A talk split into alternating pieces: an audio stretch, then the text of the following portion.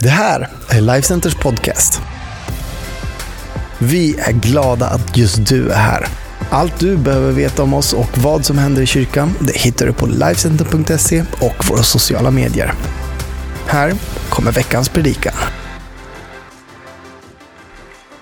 Så, varsågod och sitt! Kul att eh, ni är här. Ebba heter jag, som sagt. Palmqvist. Är, eh, ja, som ni hörde så har jag väl gjort ganska mycket i den här kyrkan. Men eh, just nu så pluggar jag teologi eh, för att bli en riktig pastor, tänkte jag säga. Det har jag väl redan varit. Jag ska stänga av mina notiser för att jag håller på att sälja massa grejer på Tradera. Så det kan ni ju, kan ni ju be för under predikans gång, att det blir bra slutpriser. På, kan ni gå in och kolla Second Hand Babe om ni vill finna lite kläder. Idag så ska vi fortsätta på vårt sommartema som är Johannes evangeliet. Och jag ska få predika från ett av mina absoluta favoritställen i hela Bibeln. Vi, fick, vi som ska predika under sommaren fick en lista på olika ställen i Johannes som man kunde få välja på och jag haffade det här direkt. Jag har predikat, jag ska inte säga många gånger för jag är inte så gammal, men jag har ändå hunnit predika kanske tre, fyra gånger från den här texten. Ehm, och varenda gång jag läser den så hittar jag någonting nytt. Så jag hoppas att ni också kommer få göra det idag. Texten som vi ska läsa, det är en så vacker berättelse om vem Gud är, vilka vi är och vad kyrkan ska vara. Är ni taggade? Yes! Texten vi ska läsa är ifrån Johannes kapitel 11, vers 17. Och titeln på min predikan idag är Lazarus kom ut. Ja, det är det. Storyn är så här. Jesus och lärjungarna, de har fått bud om att Jesus nära vän Lazarus ligger svårt sjuk. Men trots att Jesus bara var en dagstur bort ifrån Lazarus, så väntar han i två dagar innan han går dit. Ehm, han berättar för sina lärjungar att Lazarus har faktiskt somnat in. Han är död, men vi ska gå dit och väcka honom. Så Jesus han verkar otroligt lugn och eh, har liksom koll på situationen. Men det här är trots allt hans nära vänner som han bryr sig väldigt mycket om. Så där hoppar vi in. I Johannes kapitel 11, vers 17 står det så här. När Jesus kom fram till Betania fann han att Lazarus redan hade legat i graven i fyra dagar. Betania låg bara tre kilometer från Jerusalem och många judar hade kommit därifrån för att trösta Marta och Maria i deras sorg över deras bror. Men när Marta nu hörde att Jesus var på väg ut gick hon för att möta honom, medan Maria stannade hemma. Marta sa till Jesus, Herre, om du hade varit här hade min bror inte dött. Men jag vet ändå att Gud ska ge dig vad du än ber honom om. Jesus svarade, din bror ska uppstå. Då sa Marta, ja, jag vet att han ska uppstå vid uppståndelsedagen på den sista dagen. Men Jesus sa till henne, jag är uppståndelsen och livet. Den som tror på mig ska leva, även om han dör. Och var och en som lever och tror på mig ska aldrig i evighet dö. Tror du på det? Ja, Herre, svarade hon. Jag tror att du är Messias, Guds son, som skulle komma hit till världen. Efter att ha sagt det här gick hon därifrån, kallade på sin syster Maria och viskade till henne, Mästaren är här och vill träffa dig. När Maria hörde det reste hon sig genast upp och gick ut för att möta honom. Jesus hade stannat utanför byn på den plats där Marta hade mött honom.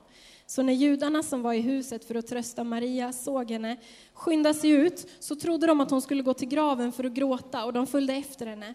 När Maria kom fram till Jesus och såg honom föll hon ner vid hans fötter och sa, Herre, om du hade varit här så hade min bror inte dött. När Jesus såg hur hon grät och hur judarna som följt med henne också grät blev han djupt upprörd och skakad och han frågade, var har ni lagt honom? De sa, Herre, kom och se. Jesus grät. Då sa de som stod runt omkring, se hur mycket han älskade honom. Men några av dem sa, om han kunde bota en blind, då kunde han väl ha hindrat Lazarus död. Än en gång blev Jesus upprörd och han gick till graven som var en grotta med en sten framför öppningen. Jesus sa nu, ta bort stenen. Men Marta, den döda mannens syster, sa, Herre, han luktar ju redan. Han har varit död i fyra dagar. Då sa Jesus till henne, Sa jag inte att om du tror så ska du få se Guds härlighet? Då tog de bort stenen. Sen såg Jesus upp mot himlen och sa, Fader, jag tackar dig för att du har hört mig. Själv visste jag att du alltid hör mig, men för alla de människors skull som står här säger jag det ändå, så att de ska tro att du har sänt mig. Sen ropade han med hög röst, Lazarus kom ut. Och den döde kom ut med både armar och ben inlindade i liksvepningen och med ansiktet täckt av en duk. Jesus sa då till dem, gör honom fri och låt honom gå. Vi ber en bön för den här predikan och den här stunden med Jesus. Jesus, jag tackar dig för den här berättelsen som vi ska få dyka ner i idag, Herre. Jag tackar dig för den du är. Jag tackar dig för att när vi tror på dig så kommer vi få leva även om vi dör. Och jag ber att det ska få vara det vi tar med oss först och främst ifrån den här gudstjänsten idag. Tack för att du älskar varenda person som är här. Låt oss få komma närmare dig just nu. Amen. Jag tänkte så här, ni behöver inte blunda, för hade vi varit nere på Kids, då hade jag sagt att ni ska blunda. Men eh, ni får titta. Men vi låtsas för en liten stund att vi är med Jesus och lärjungarna i den här, vi hoppar liksom in i scenen. Är ni med på det? Spänn fast säkerhetsbältena, som min gamla kidsledare Ulf brukade säga. Så efter en hel dags vandring så kommer vi fram till våra vänner. Men där vi brukade mötas av Marta och Maria och Lazarus som liksom kom springande och hälsade oss välkomna och var glada så möts vi bara av Marta och hon springer inte. Hon går med blicken fäst i marken. Hon går sakta.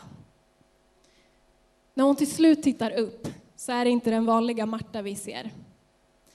Hennes ögon är röda och svullna efter fyra dagars gråt. Hennes kläder, som brukar vara så ordentliga och så fina, är skrynkliga. Och hennes mun är sammanbiten.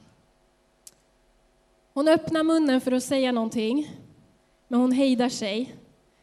Man ser, det är som att hon tänker, Marta, du är stora syster. Bete dig, säg det inte. Håll dig samman, Marta. Men hon kan inte hålla det inne. Hon måste få säga det som alla tänker. Och så kontrollerat hon kan, så nästan viskar hon fram. Herre, om du hade varit här så hade inte min bror dött. Och så möter hon Jesus blick. Den här Jesus som hon älskar och som på något sätt, fast han inte ens har sagt någonting än, alltid fyller henne med tro. Fyller henne, eh, får henne att mjukna, får henne att släppa de här filtren och murarna som hon har byggt upp. Får henne att komma på att hon inte alltid måste vara den duktiga stora systern. Och hon fortsätter. Men jag vet ändå att Gud ska ge dig vad du än ber honom om. När Martas syster Maria kommer så är det inte lika kontrollerat. Hon kommer med ett helt gäng med sörjande människor. Hon springer fram till Jesus, hon kastar sig vid hans fötter och hon nästan ropar ut samma sak som hennes syster nyss hade sagt. Herre, om du hade varit här så hade inte min, syster, äh, min bror dött. Hon är förkrossad. Vi går och nu ska de visa oss vart Lazarus grav finns. Och ju mer vi närmar oss, desto mer tryckt blir stämningen. Och verkligheten börjar sjunka in. Det här är liksom på riktigt. Jesus sa att vi ska gå dit, vi ska väcka Lazarus, Gud kommer att göra det.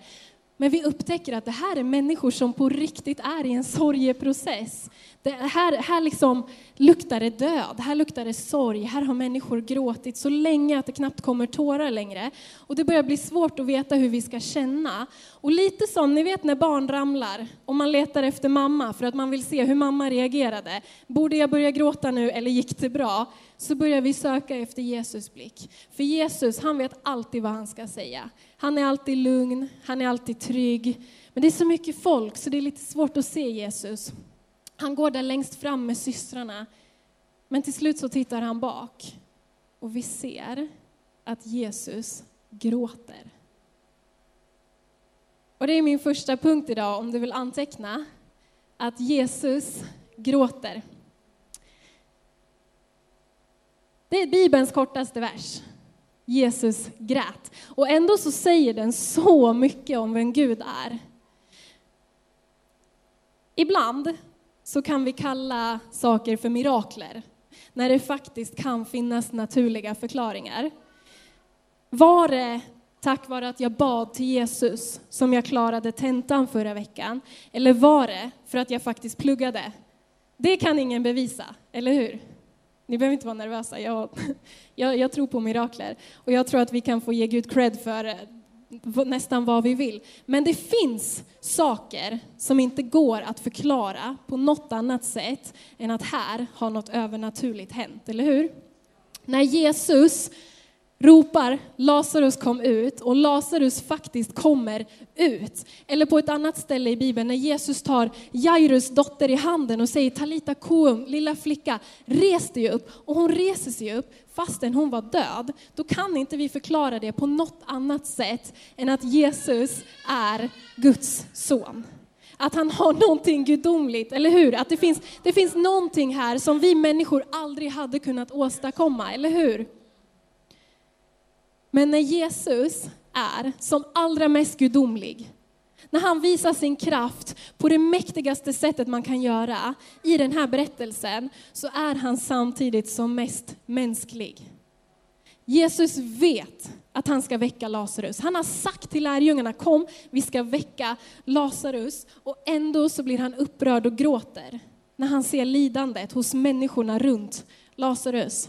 Jag vet inte exakt varför han grät. Det kanske var för att eh, han var arg över att döden behöver drabba människor. Det kanske var för att, varför inser inte de här människorna att Gud är mäktigare än döden? Kanske var det helt enkelt för att han såg att hans nära vänner var sårade.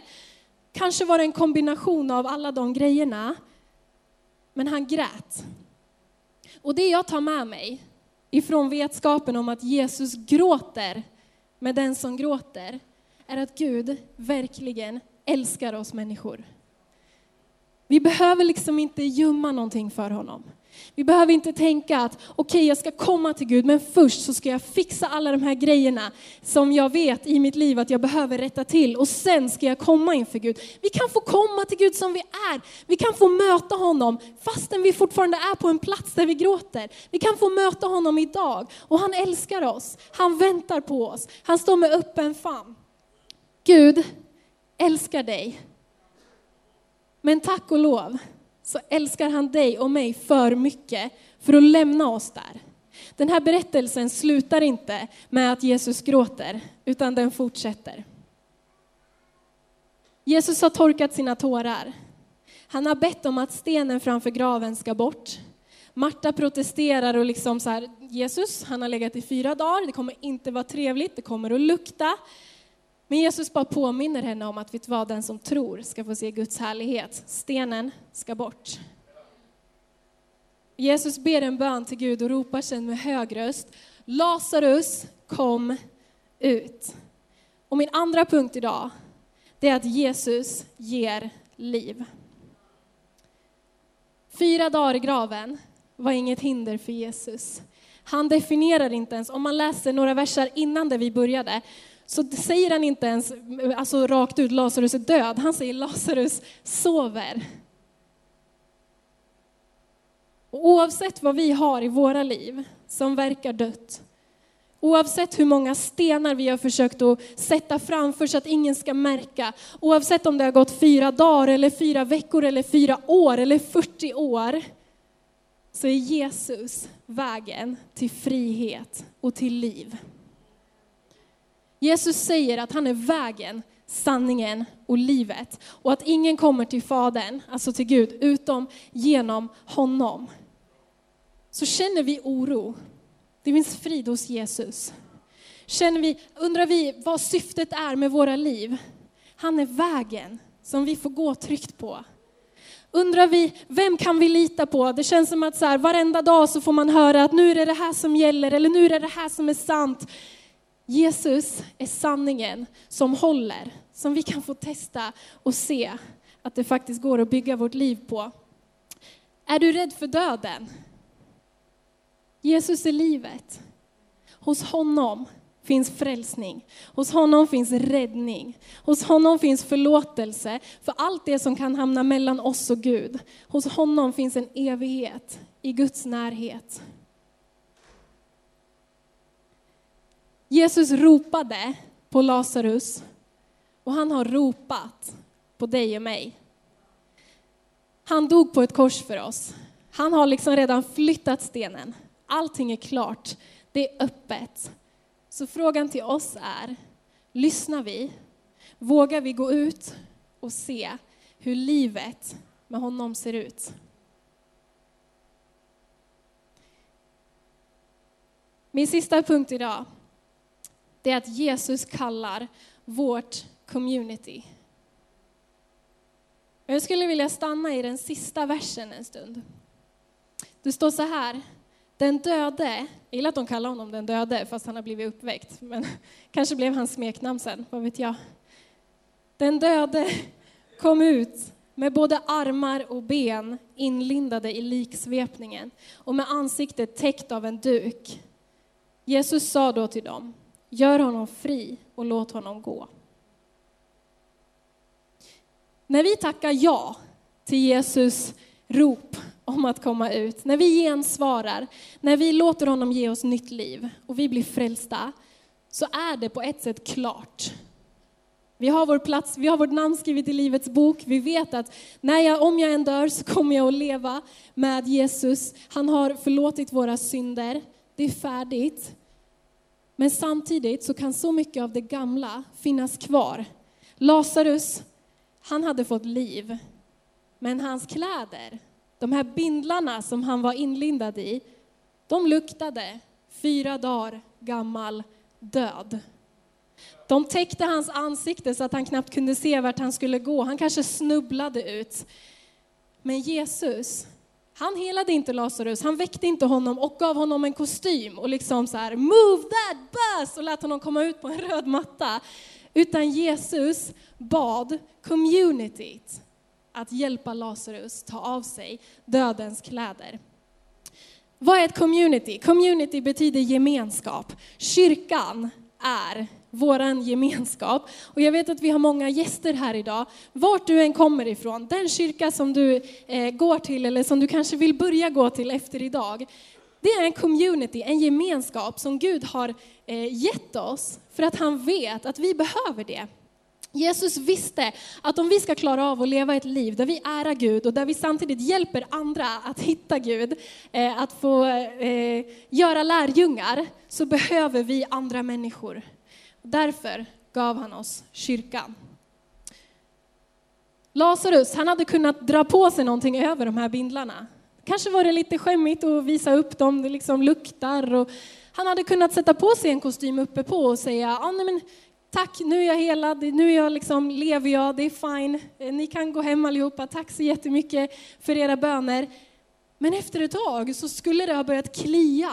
Lukten skulle ha hindrat honom från att leva livet fullt ut.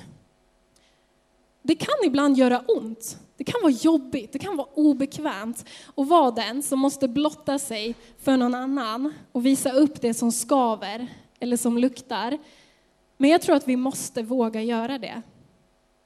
Några av de stunder i mitt liv när Jesus har känts som allra, allra närmast, det är när jag faktiskt har fått våga visa det som jag kanske inte är stoltast över för någon annan. Och någon annan har fått tala in och säga, vet du vad Ebba, det där sättet som du tänker om dig själv på nu, det kommer inte från Gud. Den bördan kan jag lyfta av dig. Testa att tänka så här istället. Eller okej okay, Ebba, du har gjort det här, det var inte så bra. Nu ber vi Gud om förlåtelse och när vi går härifrån så är du förlåten. Det finns en sån otrolig frihet i att få höra de sakerna i trygga, trygga sammanhang och i trygga rum. Och det är exakt sådana rum som kyrkan är kallad till att bygga, där vi i kärlek hjälper varann att växa.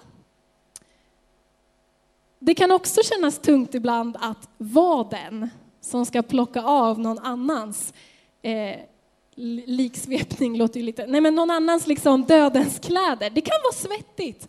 Det kan också vara lite obekvämt. Människorna runt Lazarus, vem vet, någon kanske tänkte, mm, ja, Jesus, du har sagt att jag ska ta av de här bindlarna nu. Är det någon som har handskar? Någon som har lite handsprit? Vad vet jag? Det kan vara svettigt, det kan vara smutsigt, det kan vara nervöst att se vad, vad ska jag hitta under här när jag lyfter. Men vi måste göra det. Jag läste nyligen en bok av en kille som heter William Booth som eh, startade Frälsningsarmén. Det är en annan jättebra kyrka på 1800-talet. Och han, eh, han liksom berättade om Jesus och hjälpte massa, massa, massa människor som levde i Englands slumområden, alltså ren misär. Jättemånga människor gav sina liv till Jesus och eh, i den här boken så berättar han om det. Och han berättar i ett av vittnesmålen i boken om en kvinna som var alkoholist, som hade jättemycket problem, som gav sitt liv till Jesus, som blev förvandlad, som levde ett nytt liv, som helt lämnade alkoholen. Eh, efter ett tag så blev hon lurad av en gammal vän som sa, här är lite lemonad, men han hade spetsat den med någonting. Och eh, hon blev ilurad alkohol.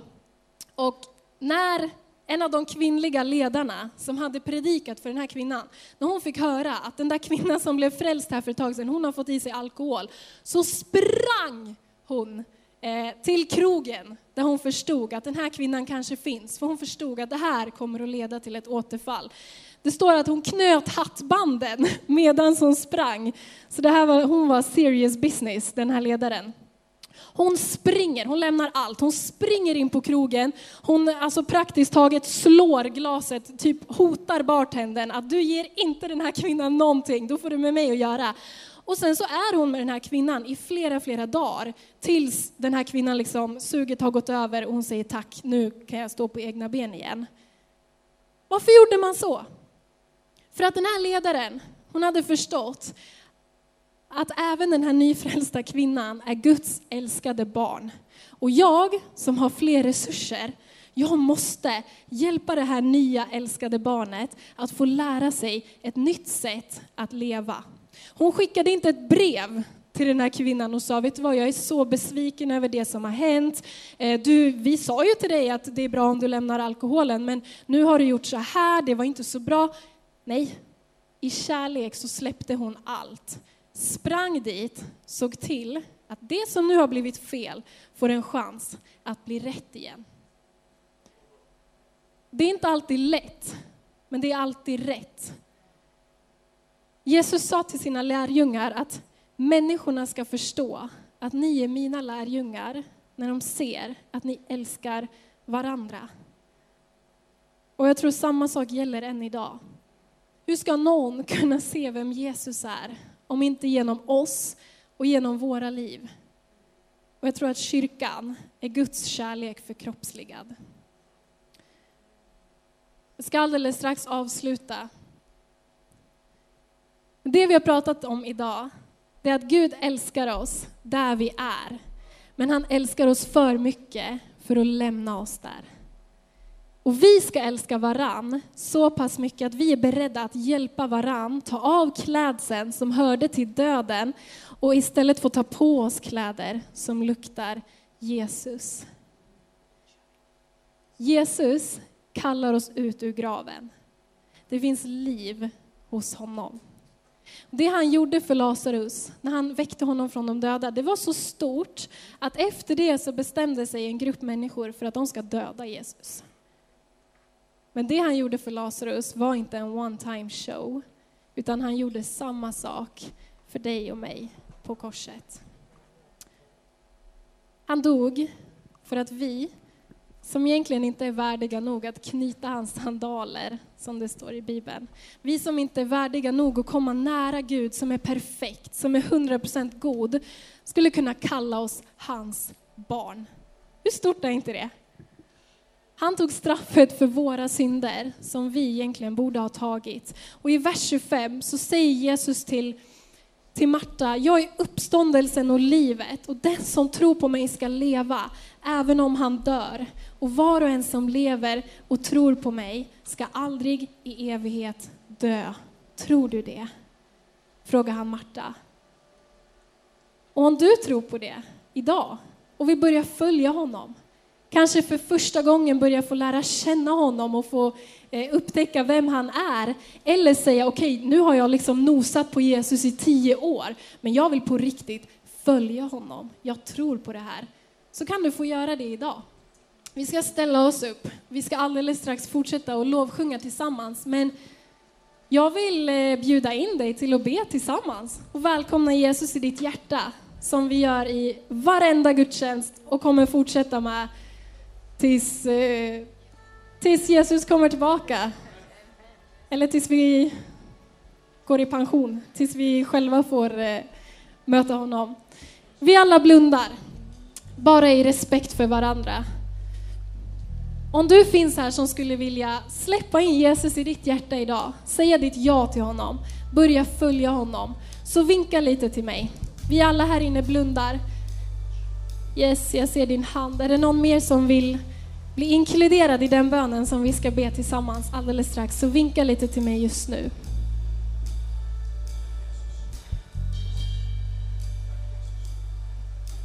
Vi ber tillsammans. Jag kommer be först och hela kyrkan ber efter. Om du var en av dem som räckte din hand, eller om du i ditt hjärta har känt att Jesus har gjort saker under den här gudstjänsten, så låt de här orden få bli på riktigt. Det här är din bön till Jesus och han står här, han lyssnar på dig. Jesus, jag tror på dig. Jesus, jag tror på dig. Jesus, jag tror på dig. Jesus, jag tror på dig. Jesus, jag behöver dig. Jesus, jag behöver dig. Jag vill bjuda in dig i mitt hjärta. Jag vill bjuda in dig i mitt hjärta. Förlåt mig mina synder. Förlåt mig mina synder. Tack för att du dog för mig. Tack för att du dog för mig. Hjälp mig att leva livet med dig. Hjälp mig att leva livet med dig. Tack för att jag är ditt barn. Tack för att jag är ditt barn. Amen. Amen. Om du bad den bönen för första gången idag så är du vad Bibeln kallar frälst. Du är räddad, du är Guds barn. Du får börja din vandring med Jesus idag och eh, PJ eller Robert kommer alldeles snart att berätta mer om vad det kan innebära. Men du har ditt namn skrivet i Livets bok. Du är en del av den familj, det communityt som vi har pratat om. Och du kommer få spendera din evighet med Jesus. Det är värt en applåd.